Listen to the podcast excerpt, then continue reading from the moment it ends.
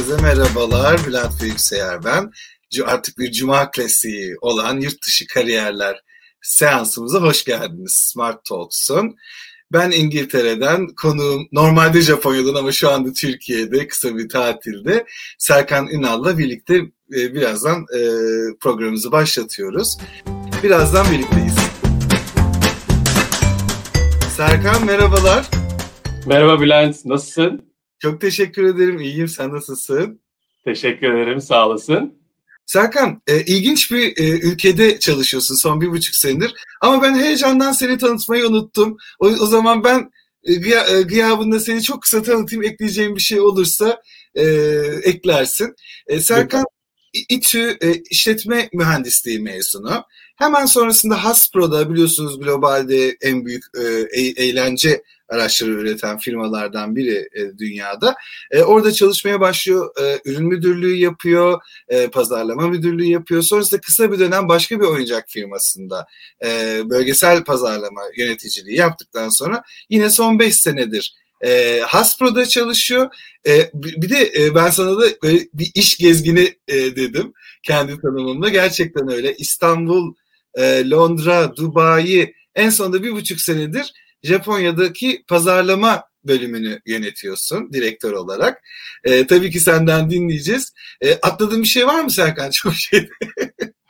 Yo gayet güzel. Ee, gayet gayet güzel. Zaten konuştukça e, o konulara da o şehirlere de de, değiniyor oluruz sanırım. Aynen öyle. O zaman hemen şöyle şöyle diyelim. E, ekip yönetiyorsun tabii ki direktör evet. olarak ve hepsi Japonmuş söylediğine göre. Şimdi Japonları yönetmek nasıl bir şey? Son şöyle bir buçuk seneki deneyimini aktarır mısın bize? Açıkçası evet. E, ekip yönetiyorum full Japon. Sadece ben Japon değilim. E, farklı. E, kolay değil. Öncelikle e, kültür e, ve hiyerarşi e, geçmiş ve yapılarını öğrenmek gerekiyor. Ve bunları e, öğrenmeden sadece bildiklerimizle, öğrendiklerimizle yönetmek kolay olmuyor açıkçası. Bu sadece Japon içinde değil, dünyanın her yerinde bence geçerli.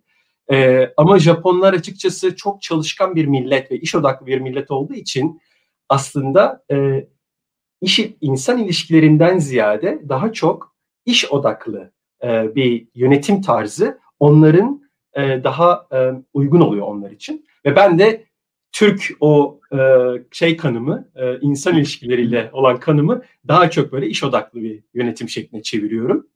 Ve öğreniyorum. Açıkçası öğreniyorum. Yani her gün bir şey öğreniyorum yani açıkçası ekibimden de. Doğru. Şimdi tabii ki Haspro'da olman işe yaramıştır. Sonuçta dışarıdan alınan bir yönetici değilsin. Sadece farklı bir lokasyondan oraya, oraya atanmış bir yöneticisin. Ama böyle, yani şimdi bana garip gelirdi. Türkiye'de çalışırken birden insan kaynakları yöneticisi olarak Japon birisini görüyorum. E, ekibimde yönetici olarak. Ve o ilk baştaki o adaptasyonu, alışmaları nasıl sağladın? Kendini nasıl sevdirdin onlara? Çok çok güzel bir soru. Ne kadar uluslararası şirkete çalışıyor olursan ol, e, ben Türkiye'de bunu hissediyorum senin hissettiğin gibi. Yabancı birisinin ofiste olduğunu görmek e, ister istemez bir farklılık, bir, bir gariplik yaratabiliyor. E, Japonya'da da bunu çok fazla görebiliyorum ve hissedebiliyorum. Bunu yıkmanın aslında yıkmak değil de bunun bununla baş etmenin aslında bir iki yöntemi var bence. Bir tanesi e, onlara yakın olduğunu biraz hissettirmeye çalışmak. Yani ilk gittiğinde İngilizceden ziyade Japonca bir şeyler söylemeye çalışabilmek. Günaydın demek, merhaba demek, e, birkaç kelime öğrenebilmek. Bu, bu açıkçası e, hani buzları kıran şeyler diyoruz ya bunlardan bir tanesi. İkincisi de aslında bence e, e, benim avantajım bu. E, aynı işten, aynı sektörden geldiğim için aslında onlara ne kadar yardımcı olduğumu, aslında benim fiziksel yapımın, dilimin çok da hani önemli olmadığı, asıl önemli olan iş olduğu ve dilimiz, fiziksel yapımız farklı olsa bile e, aslında aynı iş dilini kullandığımız için bu aslında işe girdiğimiz anda yardımcı oluyor ister istemez ve doğal olarak. Burada da açıkçası kendi kendi tecrübemi ve e, şirketle şirkette olan bilgilerimi kullanıyorum. Harika. Sen ta, tabii ki atamayla gittin değil mi Japonya? Senin önüne bir seçenek sunulmadı. Yani Japonya mıdır, şurası mıdır, burası mıdır? Ee, ya da nasıl gelişti Japonya hikayen ilk başa dönersek? Ee, şimdi yani Big Bang'e kadar dönmek istemiyorum ama biraz geçmişe gideyim o zaman. Ee, ben o zaman e, henüz 3-4 senelik tecrübem vardı Türkiye ofisinde. E, üniversiteden mezun olmaz başlamıştım zaten Hasbro Türkiye'de. E, sonrasında e, o genç yaşta ben bir Almanya, daha doğrusu pardon yurt dışına gitmek istediğimi şirket içerisindeki konuşmalarımızda söylüyordum. Müdürme ve insan kaynaklarına. Ve kariyer haritamı da bu şekilde yönlendirmelerini istiyordum. Ve şansa biraz da ve şans demeyelim ona ben de biraz da hani böyle kısmet gibi diyorum ben ona. E, Almanya'da bir pozisyon çıktı ve e, bana uygun olduğunu söylediler ve ben de kabul ettim ve Almanya'ya taşındım Frankfurt'a. Frankfurt'ta bir, e, bir sene e, çalıştıktan sonra e, İngiltere'de başka bir pozisyon olduğunu söylediler ve gel, gelip gelmeyeceğini istediler. Ki başka pozisyonlar, başka ülkelerden pozisyonları şey yapmışlardı. Önüme sunmuşlardı açık söyleyeyim. Ben İngiltere, Londra'yı tercih etmiştim. E, iki sene Londra'da yaşadım. Sevdin mi Londra'yı? Açık söyleyeyim çok sevdim Londra'yı. E, hele alıştıktan sonra e, bırakmak kolay olmuyor Londra'yı. E, ben e, ama bıraktım ve Dubai'ye gittim. Bir de pandeminin ee, olmadığı dönemlerdeki güzel Londra'dır muhtemelen. O, kes, kesinlikle, kesinlikle. Konserlerin, çeşitli aktivitelerin, müzelerin, her şeyin açık olduğu olduğu bir Londra'ydı. Ee, sonra ben Dubai'ye Hasbro'yu bıraktım ve başka bir şirkete geçtim. Başka bir şirketten teklif almıştım. Ve Dubai'de yine aynı sektörde ve Dubai'de onlar için çalıştım bir buçuk sene. Sonra Hasbro tekrar beni geri aradı. Ve e, Dubai ve başka ülkede başka bir pozisyon e, önerdiler. Ben Dubai'de kalmayı tercih ettim ve Dubai'de devam ettim. Sonrasında da açıkçası bu Japonya 6 sene Dubai macerasından sonra Japonya e, ne derler piyangodan çıktı diyelim. E, hani e, Japonya'nın J'sini bilmiyorken bir anda e, hadi gel seni Japonya'ya alalım e, oldu. Bir zorlama değil. E, bizim şirketi zaten bu konuda benim yaptığım ülke değişikliğinin hiçbirisinde bir zorlama yoktu. E, önüme sundular. Kabul edip etmemek var. Ve ben de e, Japonya'nın J'sini bilmememe rağmen kabul ettim. Ve bu maceraya atladım. Şimdi e, Dubai'de çalışan çok Türk var hani fikir alabileceğin. E, keza e, hem global bir firmada çalışmış olmandan dolayı, çalışıyor olmandan dolayı Batı kültürüne de e, yakınsın. Dolayısıyla Londra da zor olmamıştır. Ama Japonya fiziki olarak da kültürel olarak da genelde alışmadığımız bir coğrafya. Senin için ilk başta böyle bir hafif korkutucu oldu mu? E, böyle bir anksiyete hissettin mi? Çünkü bir yandan çok heyecanlı bence. Hani çok kişinin deneyemeyeceği bir yerde bir fırsat geliyor karşına. Ee, Bülent çok güzel bir soru. Ee, söylediğin şeylerin hepsi doğru ve bunları birebir yaşadım. Almanya, İngiltere nispeten e, bu arada arada İngilizce kelimeler kullanabilirim. Çok kusura bakmasın e, arkadaşlar da. Çıkaramayabiliyoruz bazen ne yazık ki. E, Menice'de yani şey yapılabilecek, halledilebilecek yerler olabiliyor İngiltere, Hı. Almanya. Dubai kültürümüz yakın diyelim ya da ne bileyim e, saat farkı şey ama Japonya çok farklı. Hı. Ee, Çin'den olan arkadaşla yaptığın konuş görüşmeyi de izlemiştim. Ee, o da çok farklı. Hatta şey demiştin, Japonya'ya gideceğiz, Çin'e yakın ama yine de çok farklı bir yer. Ee, bir korku, bir endişe e, yoktu dersem yalan olur. Vardı. Ama öbür tarafta da bu heyecan, farklı bir tecrübe, farklı bir e, e, e, keşfetme e, güdüsü bu endişeyi açıkçası birazcık kırıyor. Ve e, ilk, ilk açıkçası ilk ülke değişikliğim olsa idi yani Türkiye'den Japonya'ya bunu belki kaldıramayabilirdim. Ama benim şansıma yani Almanya ki bence yurt dışına çıkmakta ilk o hani üzerindeki pasını atabileceğin bir ülke. E, kültür olarak da, Türk nüfus olarak da. Şey. Sonra İngiltere, sonra... sonra biraz... Efendim? Almanya'yı söylemeyi unuttum, doğru söylüyorsun. Frankfurt. Aa, evet. Değil mi? Evet. O yüzden hani Japonya e, zor bu konuda. E, uzak, fiziksel olarak uzak, saat farkı olarak uzak. E, keza Amerika'da öyle aslında baktığınızda ama Japonya'nın bir de aynı zamanda kültür farkının e, etkisi de giriyor. Burada açıkçası çok e, çok yani biraz böyle hani kabul et kabul etmek gerekiyor. Açık her şey açık olmak gerekiyor. Çok katı kuralların olmaması gerekiyor. Yoksa insan kişi açıkçası çok zorlanabilir Japonya gibi bir çok güzel bir ülkede. Kesinlikle. Peki e, biraz ne iş yaptığını anlatır mısın? E, Jap yani tahmin edebiliyoruz tabii ama Japonya'ya özel bir iş mi? İşte oranın bütün Japonya'dan mı sorumlusun? Japonya pazarlama direktörü ne iş yapıyor Japonya'da? Tokyo'dasın değil mi As- bu arada? Tabii tabii Tokyo, Tokyo'da yaşıyorum. Ee, aslında tahmin edebileceğin gibi e, senin de sorunun içerisinde biraz vardı. E, her pazarlama yöneticisi gibi benim de aslında ana pazarlama görevlerim var. E, full Japonya e, ofisinin pazarlamasından sorumluyum ve ekibim var bununla ilgili. E, ne yapıyoruz? E, biz e, Japonya öncelikle e, e, hedef kitlemizi belirliyoruz, hedef kitle analizlerimizi yapıyoruz e, ve daha sonra da ürün gamımızı seçiyoruz, ürün gamımıza, marka seçimimize bakıyoruz ve çeşitli ajanslarla, e, bu pazarlama ajanslarıyla e, ortaklaşa çalışıp pazarlama planlarımızı çıkarıyoruz Japonya pazarının için. Ve ondan sonra gerekli iletişimimizi yapıp e, hedeflerimize, ürün ve marka hedeflerimize ulaşmaya çalışıyoruz. Yani aslında formül aynı, yoğurt yiyişi biraz farklı oluyor muhtemelen. Kes, aslında bir şey söyleyeyim mi? E, formül aynı. E, keza dediğin gibi yoğurt yiyiş de biraz, yoğurt yiyiş farklı. Dediğin gibi yoğurt yiyiş farklı. Çünkü tüketicinin farklı olduğu yerde, trendlerin farklı olduğu yerde e, aynı yoğurdu farklı şekilde yemek gerekiyor bazen. Kesinlikle. Ya bir de e, e, tahmin ediyorum çünkü çok ipuçları veriyor söylediğin ve LinkedIn'deki profilin.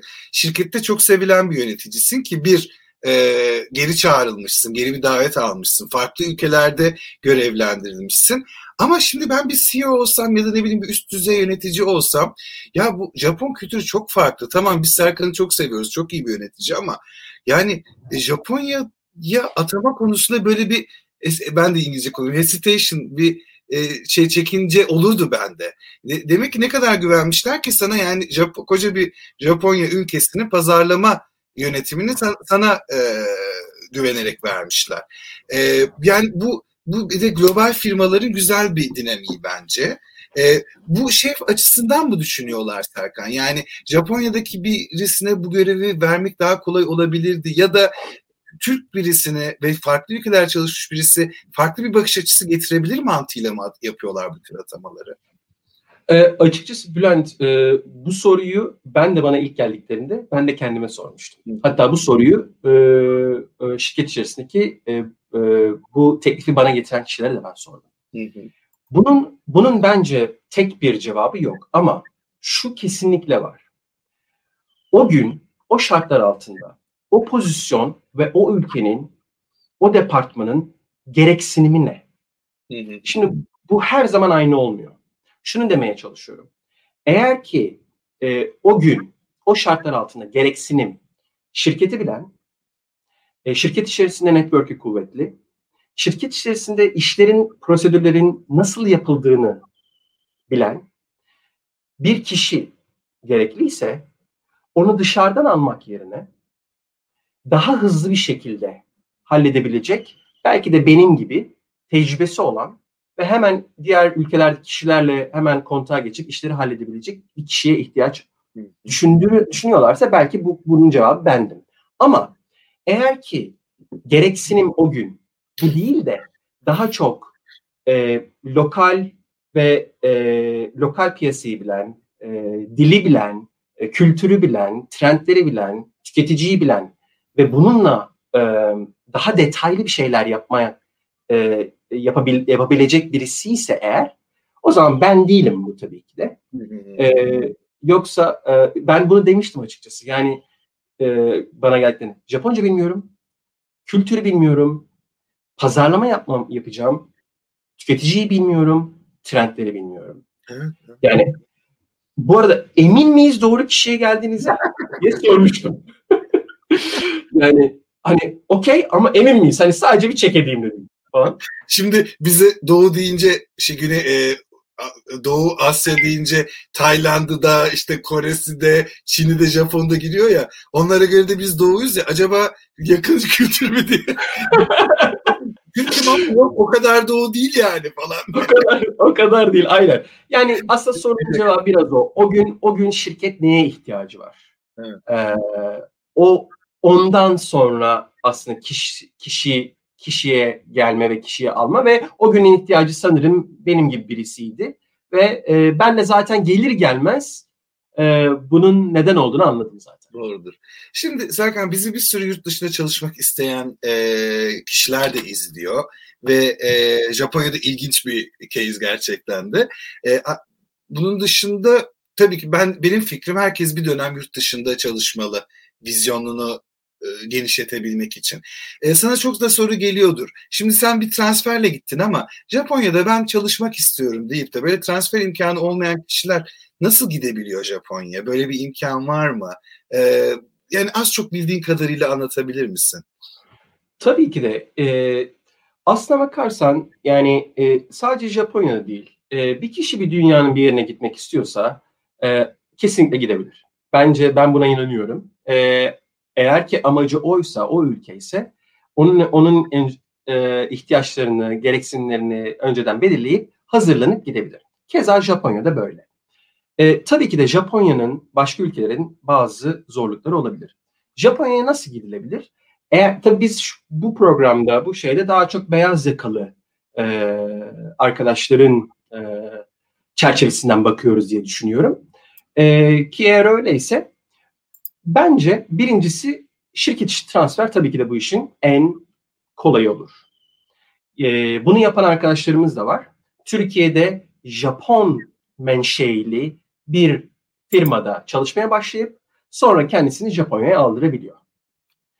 Ve tahmin edersiniz ki dünyada çok fazla Japon menşeili firmada var. Bu en basit ve en kolay yöntemlerden bir tanesidir bence.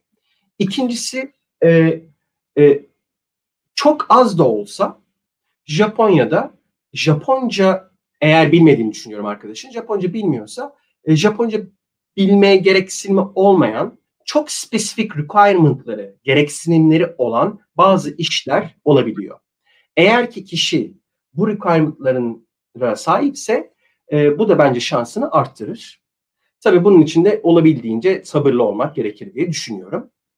E, bir, bir üçüncüsü de açıkçası Japonca öğrenip gitmek.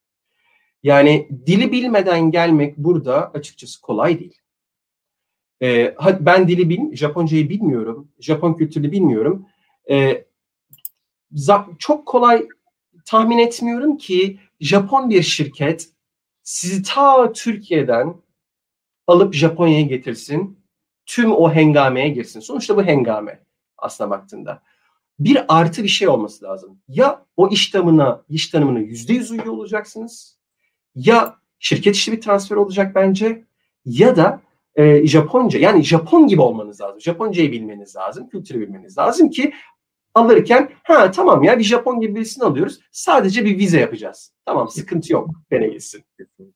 Ya bir de şey var. Bir ara Japonya ile ilgili çok okuma yapmıştım. e, bu Japonların çok kapalı olduğu söyleniyor dışarıya. Yani hem sosyal hayatta hem kültürde. Yani bir şey böyle çok kibar insanlar tabii. Hani böyle yüzüne olmasa da bir ayrımcılık e, ayrımcılık demeyeyim de çok kolay kabul etmiyorlar içlerine çok kolay değil yani neredeyse hiç kabul etmiyorlarmış sosyal hayatta. Ama çok ilgi de çekiyormuşsunuz yani yolda yürürken böyle popstar gibi hissediyorum. Herkes bana bakıyor. insanlar vardı. Bilmiyorum benzer şeyleri yaşadım mı? O yüzden e, kültürü zaten bu kadar dışarıya bir ada ülkesi olmasından da kaynaklanıyor tabii. Kapalı olan bir e, ülkeyi e, kendi başına gitmekte zor olsa gerek. E, oradan hemen şeyde Japonca bilmek gerekiyor mu soru cevabını da vermiş oldun ama e, sosyal kültürel hayatından biraz bahsedebilir misin? E, gerçekten insanların sana bakışları nasıldı? E, işte ne bileyim böyle çok ardarda arda güzel şeyler yazmış, stereotipler yazmış Hakan Acar. İşte çiğ balık yemeye alışmak lazım, talimatlara uyum, değer, saygı gibi böyle e, stereotipler de var. E, senin Japon kültürüyle ilgili sosyal hayattan deneyimlerini anlatman mümkün mü? Ee, söylediğin, söylediğin her şeye katılıyorum ve Hakan Bey'in de söylediklerine yazdıklarına da katılıyorum. Ee, çok doğru. Kapalı bir kültürden bahsediyoruz. Ee, bir, yani bu bu coğrafi keşifler zamanından beri kendini kapatan bir ülkeden bahsediyoruz. Ee, o yüzden e, bu kültür geleneklerini, göreneklerini 21. yüzyılda hala sonuna kadar koruyabilmiş diye bahset söyleyebilirim. Ee, bu da bu da yabancılara olan bakışlarını tabii ki de dediğin gibi e, farklı kılıyor. Bir Londra değil bu konuda. Bir Dubai kesinlikle değil. Bir Frankfurt'ta değil baktığında. Ee, yabancısın. E, farklı fiziksel yapıdasın zaten. Bunun da bir etkisi var. Yani görüntü olarak. E, ben ana ayrımcılık, evet sen de ona aslında ayrımcılık demedin de e, ona, o değil de evet farklı olmak açıkçası. E, sana bakış açıları, e, Japon olmayan birisine bakış açıları da çok saygılı ve kibar bir kibar bir kültüre sahip oldukları için her zaman sana karşı da kibar ve saygılı oluyorlar. Ee, ben açıkçası bir ayrımcılık, bir kötü davranış hiç hissetmedim. Keza kendileri de zaten kendi içerisinde her zaman böyle olmaya çalışıyorlar. E tabii ki de 120 milyon nüfuslu bir ülkeden bahsediyoruz. İlla ki bazı şeyler oluyordur ama günlük hayatta, benim sosyal hayatımda, markette, kuru temizlemede, metroda, alışveriş merkezinde her yerde yani hani bizde bir laf var ya kibarlıktan ölmek. yani inanamam, inanamıyorum bazen yani o kadar kibar ve saygılı ol, olmalarına. Bazen diyorum ki ya rol yapıyorsunuz. Yani bu kadar olamaz. Yani bu rol. Rol de olsa o tiyatro ama rol de olsa okey. Yani bu toplum düzenine bir zararı değil faydalı olan bir şey olduğu için ve bir art niyetli olmadığı için bu rol bile olsa bence çok güzel bir rol. Ee, ve bana karşı da e, yani bana derken yabancılara karşı da böyle. Şu bir şu da bir kesin, şu da bir stereotip mı bilmiyorum ama hep de hep de yabancı kalacağım. Yani Japonca da öğrensem, kimono da mı giys, kimono da mı giysem, e, sürekli çiğ balığımı da yesem, her şeyimi de yapsam, e, bir Japon, Japon gibi Japon olamayacağım böyle bunu bunu hissediyorum, bunu biliyorum. Ama onları da mal etmemek lazım. Çünkü Türkiye'de de düşün yani. Bir Japon gelse ana dili gibi Türkçe konuşsa Japon hep Japon geçecek yani burada da. O yüzden çok da yargılamamak lazım onları. Yok yar, yargılamak değil sadece hani bu, bu, bu da bir fact öyle diyelim. Hani. Evet, evet, evet. Ee, peki e, şöyle bir buçuk senedir oradasın. E, İlk gittiğinde karşılaştığın zorluklar neler oldu? Ya da genel olarak da cevap verebilirsin. Japonya'ya geldiğinizde şu zorluklarla karşılaşacaksınız ve böyle çözebilirsiniz diyeyim. Hem kültürel, sosyal hayatta hem iş hayatı ne tür zorluklarla karşılaştın? Ya öncelikle en büyük zorluk e, dil oldu. Bunu, bunu, bunu yatsıyamam. Yani ben ben Dubai'den taşındığımda şirketim e, e, ülke değiştirme ajansı, relocation agency, e, bana atadı ve onlar benim aslında çok yardımcı oldular ev tutmamda, prosedürel işlerde falan ama ondan sonra bir başına kaldığında dil tokat gibi yüzüne vuruyor. Yani e, günümüz teknolojisinde Google Translate, çeşitli e, makineler, şeyler tabii ki de etkili oluyor ama bir günlük hayat dili diye bir şey var. O Google Translate değil, o başka bir şey. Ee, burada çok özür dilerim lafını kesin. Dili kapatmadan şunu sorabilir miyim? Her yerde Japonca tabela var. Hiç altında İngilizce geçmiyor. O doğru mu? Yani yolunu falan nasıl buldun yani şehirde? Onu çok merak ediyorum. Şö şöyle e, ben Tokyo'da yaşıyorum. Şimdi Tokyo nispeten bir tık da olsa biraz daha uluslararası bir yer diyelim. Başkentleri. E, ama buna rağmen e, çoğunluk her şey diyelim hatta yani Japonca. E, çok istisnai şeyler e, e, İngilizce değil de e, Japonca harflerin okunuşunun Latince yazılışı Hı. olabiliyor. Hı. E, yönler, işte tabelalar, metrolar özellikle metrolarda e, Latince, Romaji diyorlar ona. Romaji yazılışı olabiliyor. Bu benim işime geliyor açıkçası. Yoksa bir türlü çok güzel desenler görüyorum tabelalarda. E, bu ama çok zor. Gerçekten çok zor. Burada e, tavsiyem şu olabilir açıkçası. E, eğer ki çünkü bu da olabiliyor bu arada. Japon kültürüne çok aşık arkadaşlarımız olabiliyor. Bu animelerden dolayı, mangalardan dolayı e, yani hayali Japonya'da yaşamak, evet Japonya'da yaşamak olan arkadaşlar olabiliyor. Bu arkadaşlara tavsiyem kesinlikle Japoncayı biraz olsun, biraz olsun öğrenmek. Çünkü bu tokat gibi yüzünüze vuracak ve e, çok demotive edecek bir şey olabilir sizin için. İnsan derdini anlatamayınca özellikle e, çok demotive olabiliyor. Nereden geldim ben buraya diyebiliyorsunuz. E, ya da ben çok şanslıydım. Orada e, yıllardır kalan Japoncayı çok iyi bilen Türk Türk arkadaşlarım vardı. E, onlarla tanıştım. Onlar yardımcı oldular. Bu bu dil konusu kesinlikle birinci e, hani tavsiyem olacak ve dikkat yani önemli nokta. İkincisi kültür. Şimdi kültürde dil de giriyor kültürün içerisine ama kültürden kastım hani e, mesela yemek kültürü. E, eğer ki e, Japon yemek, Japon mutfağına alışık değilseniz çok zorlanırsınız. McDonald's'a tabi olursunuz diyorsun. Kesinlikle. McDonald's menemen. McDonald's menemen.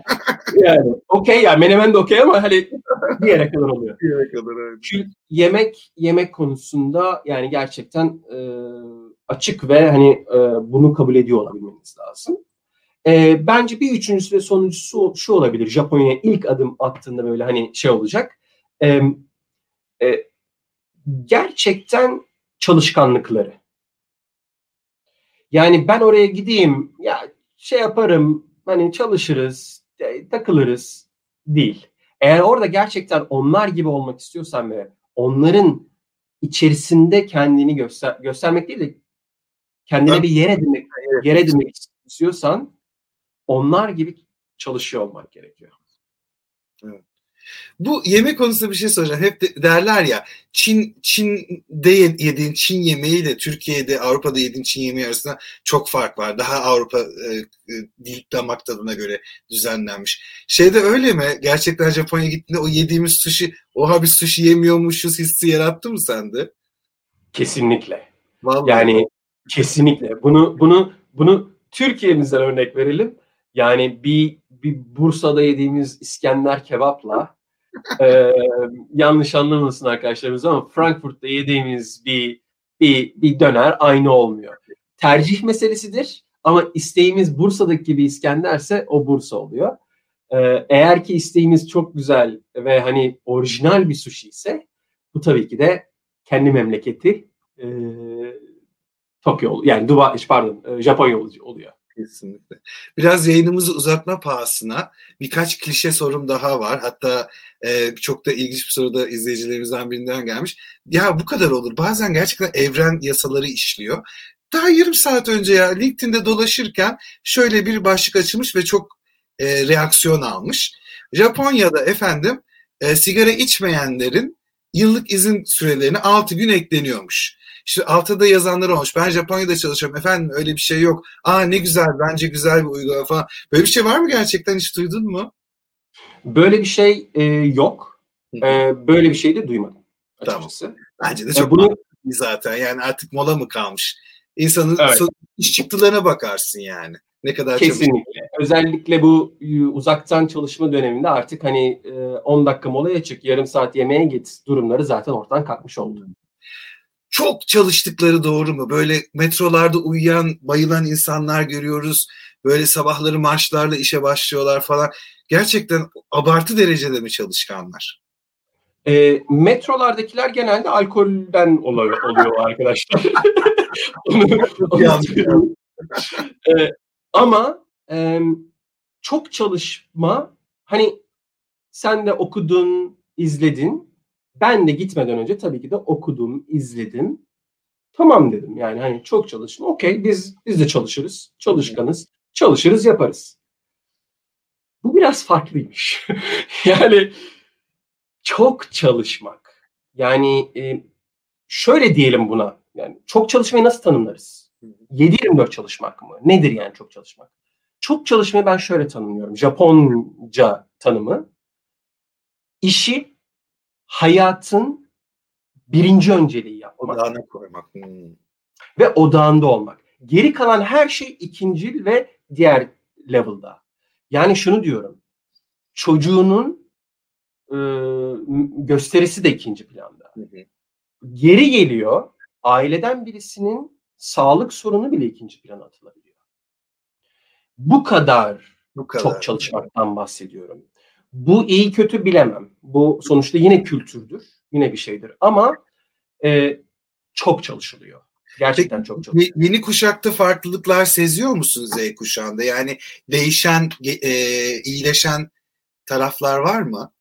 Şöyle açıkçası bunun e, kuşaktan ziyade bence kuşaktan ziyade kapalı e, ülke konumundan çıkan kendini bir an olsun dışarı atıp başka bir e, yerin nefesini alan kişiler bu Z kuşağı olabilir ya da başka bir kuşak da olabilir. Bu kişiler biraz daha sisteme hani biraz daha e, sistemi biraz daha challenge edebiliyorlar. Hmm. Ama e, Z kuşağı da olsa hiç kendini başka bir yerde görmeyen, sadece Japonya'yı gören bir kişi bunun doğru olduğunu biliyor. Bunu görmüş ve o yüzden böyle olmaya devam ediyor. Ee, evet. Biliyorsun biliyorsun Japonca'da e, çok çalışmaktan ölmek diye bir kelime var. Öyle mi? Bak bunu bilmiyordum. Tabii e, yanlış bilmiyorsam Japonca bilen arkadaşlar beni e, affetsinler. Karashi. Tokyo'dan bakın bir, e, bir Erdinç Bey varmış. O düzeltsin bizi. Neydi Aynen er, Erdinç Bey Karashi olması lazım sanırım. Karashi. Karashi. Ee, çok çalışmaktan ölmek. Bunun anlamı. Ve e, devlet bu konuda açıkçası bazı adımlar attığını duydum. E, e, özellikle işte saatleri kısıtlama, e, işte bazı yaptırımlar yapma gibi gibi gibi. Ama e, çok değişime de açık olduğunu düşünmediğim bir toplum, Japon toplumu. Senelerin prosedürleri ve geleneklerin devam ettirmeye meyilli bir toplumdan bahsediyoruz. O yüzden bu yaptırımlar da çok böyle hemen geri dönüşümünü göremeyeceğimiz şeyler. Ama en azından mentalitenin birazcık olsun değişmiyor olması e, iyiye işaret. Yoksa e, ben onu diyorum hep. E, Japonya'ya gelecekseniz çok çalışmayı göz almanız lazım.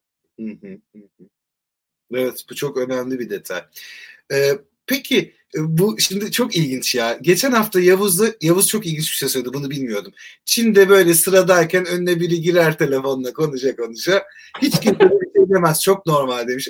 Japonya'da da tam tersi olmadı. Herhalde önüne birini girdiğini gören biri kalp krizi geçirir şoktan yani. Çok kibar demiştin ya. Valla ne kadar şey değil mi? Yani dünya o kadar farklı şey. Evet. Yani hani hele burada e, mesela ben burada e, 8 yaşında yeğenimle beraber şimdi İzmir'de. E, bazen amca sen Çin'desin değil mi? Çin'den nasıl? Amca sen Japon. Yani biz aslında hemen hemen aynı görüyor. Ha Çin, ha Japon falan diyoruz. Falan. Ama dediğin doğru. Aslında ne kadar farklılar. Çok farklılar. Hatta Kore, Japonya belki de fiziksel olarak en yakın ülkelerdir. Güney Kore ve Japonya. Onlar bile çok farklı. Yani ikisi çok farklı. Japonya bu konuda çok ülke hani her yeri gezmedim ama gördüğüm ülkeler arasında e, birinci sıraya koyabileceğim bir ülke. Açık ara diyorsun. açık, açık ara. Yani açık ara yani. Hani böyle burun farkı değil yani. Açık ara. Ee, öyle bir pozisyon olduğunda atıyorum sıraya girmemek ya da sıradayken birisinin önüne geçmek ya da birisine çarpmak falan yani ım, kalp krizi demesek de bir böyle panik atak yaşatır yani insana. Bu kurallara uyumla ilgili çok ilginç bir e, yorum ve soru da geldi İngiltere'den Sultan. Diyor ki trafik kurallarına uymayanların ve trafik cezası alanların ya da kaza yapanların işlerini kaybettikleri doğru mu? Yani şirketler pasif olarak trafik kurallarını kontrol ediyor mu? Diyor. Hiç böyle bir şeyle karşılaştın mı ya da duydun mu? Valla Sultanım e, yanlış bir şey söylemek istemiyorum. Bununla ilgili özel bir şey duymadım. Ama kendi yorumumu e, katacak olursam e, hani bu bir bil, fact değildir ama benim e, kendi yorumumdur. E, belki olabilir. Gerçekten olabilir. E, işini kaybetmek o kadar kolay değil ama e, Japonlarda e, saygı ve e, gurur birinci sırada geldiği için alacakları bir kınama cezası bile onlar için yeterli bir yeterli bir gurur kırıcı bir şey olacaktır. Ee, hani iş kaybetmek çok kolay olmaz. Çünkü neden? Bu arada bir bilgi daha vereyim. Japonya'da e, e, lifetime employment diye bir şey var. Hmm. Yani kişiler mezun olduktan sonra girdikleri şirketlerde ömür boyu emekli olana kadar çalışma hedefi giriyorlar. Ve bunu yapmaya çalışıyorlar. O yüzden zaten çok böyle ım, iş sirkülasyon iş, yani sirkülasyon çok fazla olmuyor. Oradan oraya geçmeler çok fazla olmuyor. İş bırakma çok fazla olmuyor. İşten çıkarma çok fazla olmuyor. Zaten işsizlik şeyi seviyesi çok e, aş, aş, a, düşükte. E, o yüzden hani e, e, ben de çok şaşırmıştım. Hani böyle 30 sene, 40 sene aynı işte çalışan, aynı pozisyonda çalışan kişiler var. Bu da aslında biraz şeyle geliyor. Sadakat, biraz abartı gurur ve sadık olma durumu. Tabii aslında baktığında. Yani Sultan Hanım dediğiniz doğru olabilir. Ee, belki de işten çıkarma değil ama biraz daha böyle hani e, kınama gibi olabilir. O bile de ilginç tabii kınama bile ama dediğim gibi çok önemli bir şey onlar da çok gururlu oldukları için. Ee, biraz hassas bir şey soracağım. Ee, Japonya'da kadın olmakla Japonya'da erkek olmak arasında çok fark vardır diye tahmin ediyorum. Çünkü e, kadın erkek ayrımcılığının en yüksek olduğu ülkelerden biri diye biliyorum. Kendi içlerinde de. Ee, ve kadınlarda ciddi kariyerlerinde de cam tavan etkisi dediğimiz engellerin çıktığını. Japonya'yı bir er, senin gözlemlediğin kadarıyla tabii ki Japonya'yı bir erkek olarak gitmekle kadın olarak gitmek arasında fark var mı sence? Ee, güzel soru ve hassas bir soru tabii. Ee, olabildiğince ben de hassas bir şekilde cevap vermeye çalışayım. Politik genel şekilde. olarak şey çalıştığım firma üzerinde değil mi? Tabii tabii tabii. tabii. Zaten konuştuğum hiçbir şeyin hani sadece çalıştığım firmayla evet. tabii ki de bağlantısı yok. Ee, bu doğru bir kanı bence. Kadın erkek ayrımının bil fiil görülebildiği ülkelerden.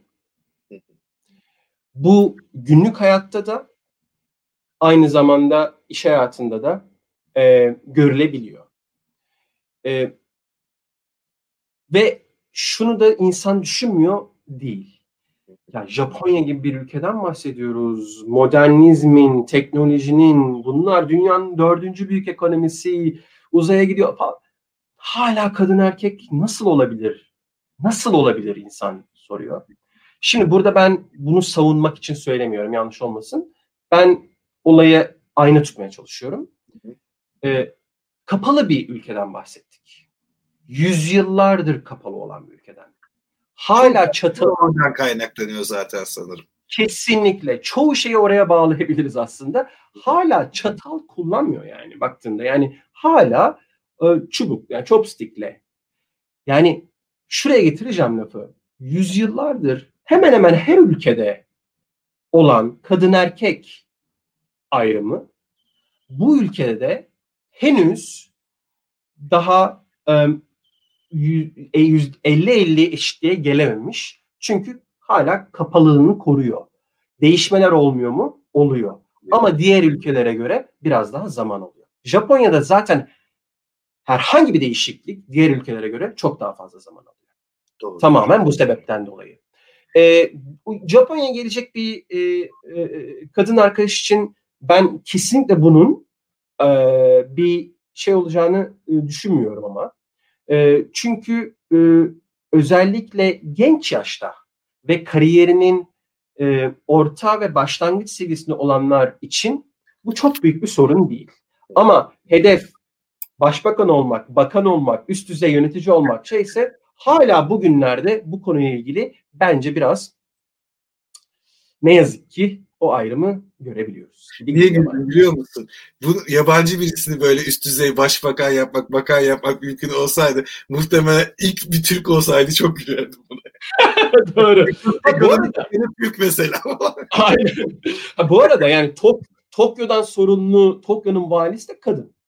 Ha. Yani hani, şey yok değil. Hani her yerde o böyle değil. Evet yani görece olarak belki bir tık Japonya bu konuda biraz daha ne yazık ki geri kalmış diye.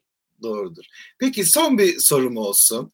Evet. Ee, senin gözlemlediğin kadarıyla Japonya'da iş olanakları nasıl? Hangi meslekler e, daha rahat iş buluyor, daha kolay? Hangi sektörler revaçta? Evet. Ee, şimdi Japonya'da iş olanakları. Öncelikle şunu söyleyeyim. Japonya işsizlik oranının çok düşük olduğu bir ülke. Yani iş yapabilme yeteneği ve yetisi olan kişilerin hepsinin neredeyse çalıştığı bir ülkeden bahsediyoruz. 120 milyonluk ülke bunu nasıl başarıyor? Var ya çok hayret uyandırıcı bir şey. Çok saygı uyandırıcı bir şey gerçekten. Kesinlikle. Zaten bence Japonya sadece bu konuda değil, diğer e, konularda da e, araştırılıp belki de e, e, geç biraz biraz detaylı anlamak gerekebileceğimiz bir ülke diye görüyorum ben. Şimdi soruna gelecek olursa işsizlik çok düşük. E, hangi sektörler ya da ne tarz e, pozisyonlar daha revaçta? E, global zaten son senelerde olan e, şeyler, e, pozisyonlar ve sektörler Japonya'da revaçta. Bunlara neler katabiliriz? Bunlar dijitale dokunan, dijitale dokunan, ben bunu spesifik bir şey yap söylemiyorum genelde.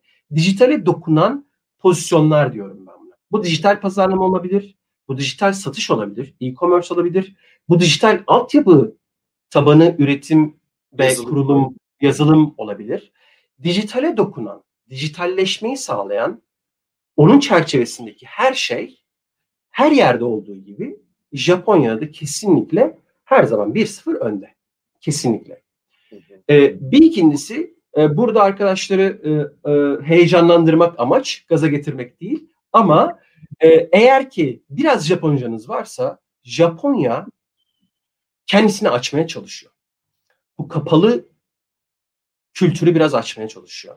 Bunu da nasıl açabilir? Senin benim gibi expertlerle açabilir açıkçası. O yüzden Japoncanız biraz varsa herhangi bir sektörde de Japonlar e, size hoş geldin diyeceklerdir. Çünkü e, batılı gibi, batılı diyelim ona, batılı gibi düşünen, batılı gibi çalışan ama Japonca da bilip Japon'u da biraz anlayan kişiler bence altın değerinde. Çok güzel. Ee, Çok değerli bir şey spesifik bir sektör söylemeyeyim ama birinciliği kesinlikle dijitale dokunan şeyler diyebilirim. Muhakkak. Robotik eskisi gibi revaçta mı hala Japonya'da? Şimdi robotik kesinlikle eskisi gibi revaçta. Ee, ben şunu da söylüyorum. Ee, buradan Japon arkadaşlarım beni e, e, hançerlemesinler, linç etmesinler. Ama Japonya'yı seviyoruz. O ekmeğimizi oradan kazanıyoruz. Ama bence şöyle yanlış bilinen bir ön e, şey var. Ön yargı var yani. Japonya 100 yıl önceden gidiyor teknolojide. Ee, değil. Öyle bir şey yok. Ben Dubai'de çok daha teknolojik yaşayan birisiydim açıkçası. Ee, günlük hayatta, günlük hayatta biraz önce dediğim şeyle aslında biraz ilintili. Bazı şeylerin günlük hayata yansıması çok zaman alıyor. Japonya gibi kültürüne çok bağlı bir toplumda. O yüzden ya geçenlerde belediyede bir işim vardı. Dediler ki e, tamam bu numaraya fax çek. E, fax derken Tamam. Hani, Yok telex deseydin. yani hani çektik hayatımızda ama hani o bir 15 sene oldu ya hani en son. Yok yani mail atayım. Hayır hayır mail olmaz. E, şöyle yapayım olmaz. Yani şunu demeye çalışıyorum. Günlük hayatta hala belki de o derecede değiller teknolojide. Ama ama robotik bakımdan ve özel sek- spesifik niş sektör bakımından kesinlikle e, robotik ya da e, mesela sadece robotların serve ettiği, e, şey yaptığı, hizmet ettiği restoranlar var evet. Japonya'da. Bir de Japonya'nın şöyle bir dezavantajı oldu Bülent. E, Japonya 80'lerin parlayan yıldızıydı. Hmm. Amerik Amerika'dan sonra Japonya denirdi. Japonya acaba Japonya denirdi yani. Evet. Tabii ki de Japonya acaba yani o Sony'ler, o Walkman'ler, o şeyler falan yani hatırlayalım. Yaşımızda evet. öne çıkaralım. Yani e, Japonya'dan gelme. Ama ne oldu? 90'lardan sonra işin içine kim girdi? Hindistan girdi. İşin içine Çin girdi. İşin içine Güney Kore girdi baktığında. Japonya o konuda aslında bence biraz sınıfta kaldı. Ee, edemedi yani bir anlamda. Rekabet edemedi ne yazık ki. Rekabet edemedi. Ee, ama yine de Japonya'nın ölüsü bile yeter. Aynen öyle. Ee, Valla Serkan daha çok sorulacak sorular Biraz, var.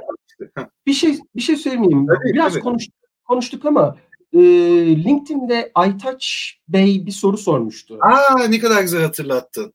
Vallahi sponsorumuz sponsorumuz soru sormuştu. Bir saniye hemen söyleyeyim. Aslında biraz cevabını verdik de ama evet, evet. ekleyeyim. Ben...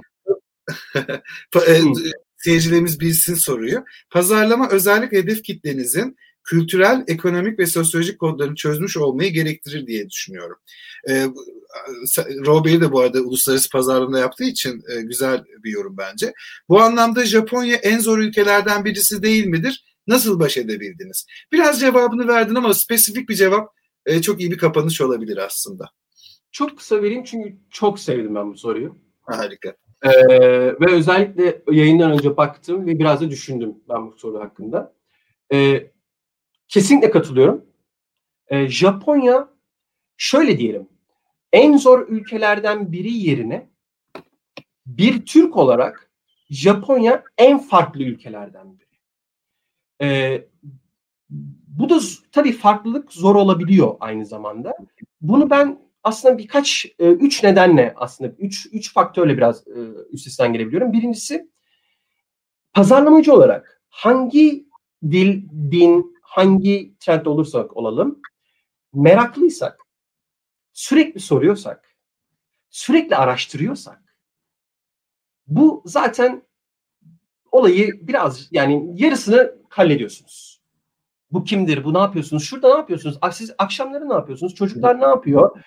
Sorarsan zaten biraz olayı kapıyorsun. İkincisi bununla ilintili sana söylenenleri de açıksan, öğrenmeye de açıksan bu da çok etkili oluyor. Üçüncüsü de açıkçası bu biraz benim ve sektörümle alakalı bir şey. Şimdi ben e, Hasbro gibi bir firmada çalışıyorum ve bizim hedef kitlemizin büyük bir kısmı çocuklar. Ve ben şunu gördüm. Hatta bununla ilgili bir video da yapmıştım Hasbro Global'de. E, ben şunu gördüm. Çocuklar din, dil fark etmiyor. Aynılar. E, her yerde aynılar. İnanır mısın? Yani çok az fark var. Yani çocuk çocuk her yerde. O yüzden e, benim yaptığım işte de bir FMCG firmasının komplikas, kompli, komplike pazar araştırmaları, pazarlama planları yerine o kadar da olmayan çocuk aynı o çocuk olduğu için, aynı şeyleri istediği için daha nispeten daha kolay olabiliyor benim için. E, bu da bana yardımcı oluyor açıkçası bu zor ve farklı kültürde. Kesinlikle. Çok güzel bir cevap. Bir de şey de e, eklemek istiyorum.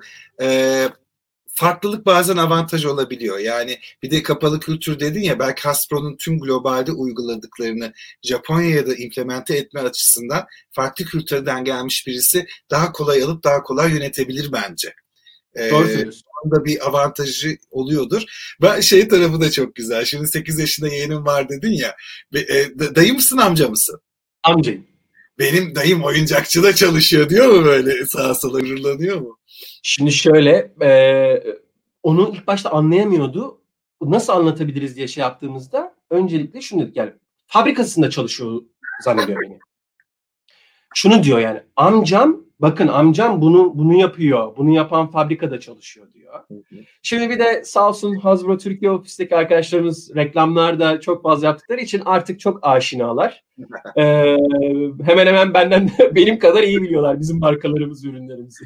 Benim çok sevdiğim bir arkadaşım senelerce bir oyuncak firmasında çalıştı Türkiye'de. Ama onlar tam oyuncak. Hani sizin gibi oyun platformları falan filan o kadar geniş değildi. Sadece oyuncak sektörü. Yeğen de çok küçüktü. Şimdi genç kız oldu. Kocaman bir kız oldu. Yeğeni şey diyormuş küçükken. Benim teyzem Sünger Bob'la arkadaş. Kesinlikle benim benim bak benim yeğenim bana şunu diyor. Bizde Transformers da e, bizim markalarımızdan bir tanesi. Şimdi Optimus Prime var orada.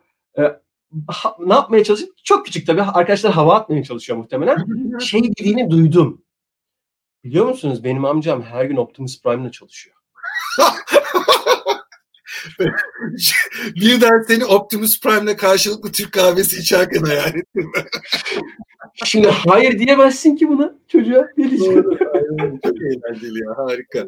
Ya Serkan e, tahmin ettiğimizden uzun sürdü çünkü bence de kötü olmadı. Şöyle ben genelde hani izleyicilerimizin ilgisini dağıtmak için böyle 30 dakikayla falan kısıtlıyorum ama bunlar tarihe de not düşüyor. Yani 3 sene sonra Japonya'da çalışmak diye YouTube'da arattığında da insanların işine yarayacak çok değerli bilgiler verdin. Seni dinlemek ayrıca da çok keyifliydi. Böyle çok güzel hikaye anlatır gibi anlatıyorsun.